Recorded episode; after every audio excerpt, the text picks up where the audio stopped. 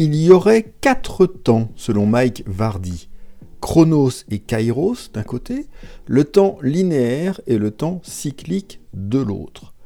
Bienvenue, vous êtes sur J'ai pas le temps pour ça, le podcast proposé par Eric Boucher. Je vous partage des trucs, des astuces, des outils, des méthodes pour être plus efficace et terminer la journée plus tranquillement. Dans notre organisation, ben, une partie de ce que nous faisons, c'est gérer le temps ou gérer notre façon d'utiliser le temps. Et dans ce contexte-là, d'avoir cette lecture proposée par Marc Vardy, l'un des spécialistes en productivité, est intéressante. Que nous dit-il? Ces quatre temps, Chronos est celui que nous connaissons le mieux. La marche séquentielle et implacable du temps, nous dit-il. Il représente la marée implacable, une poussée constante en avant, mesurée, précise et ancrée dans la réalité.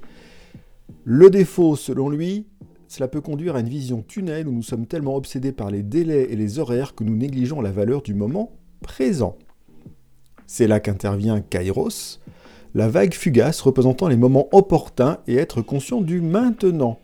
Kairos nous donne le pouvoir de saisir les opportunités qui pourraient échapper à l'esprit dominé par Chronos.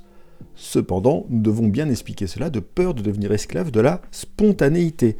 On n'est pas très loin d'un des premiers épisodes que j'ai fait où on parlait de perspective de temps présent et de perspective de temps futur, si vous voulez le réécouter. Troisième définition du temps selon Mike Vardy, le temps linéaire, la perception du temps comme un chemin droit de la naissance à la mort qui est bénéfique pour la définition d'objectifs à long terme et la planification, mais qui peut favoriser une mentalité de course contre la montre provoquant un stress inutile. Et enfin, le dernier temps, justement, le temps cyclique, où le temps est perçu comme des cycles ou des saisons récurrents à l'image de la nature. Et cette perspective qui nous encourage à respecter le flux et les reflux naturels conduisant à la durabilité à la résilience. L'inconvénient de ce temps cyclique, provoquer une sensation de monotonie répétitive s'il n'est pas équilibré avec le temps linéaire. Donc voilà ces quatre définitions posées. En quoi cela peut être important sur notre organisation, notre productivité? Ce que nous dit euh, Mike Verdi, justement, c'est de ne pas nous contenter de dériver avec le temps, d'apprendre à le naviguer. Il y a beaucoup de métaphores euh, euh, maritimes dans sa proposition. Trouver un équilibre entre ses perceptions du temps pour être productif, mais aussi content, épanoui et rempli de sens. On est totalement dans la logique de ce podcast également. Et euh, ce qu'il nous dit, c'est qu'aucune perspective temporelle ne convient à toutes les situations.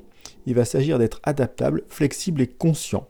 Et donc on reprend les quatre temps qu'il nous proposait. On avait effectivement Chronos, Kairos, le temps linéaire et le temps cyclique.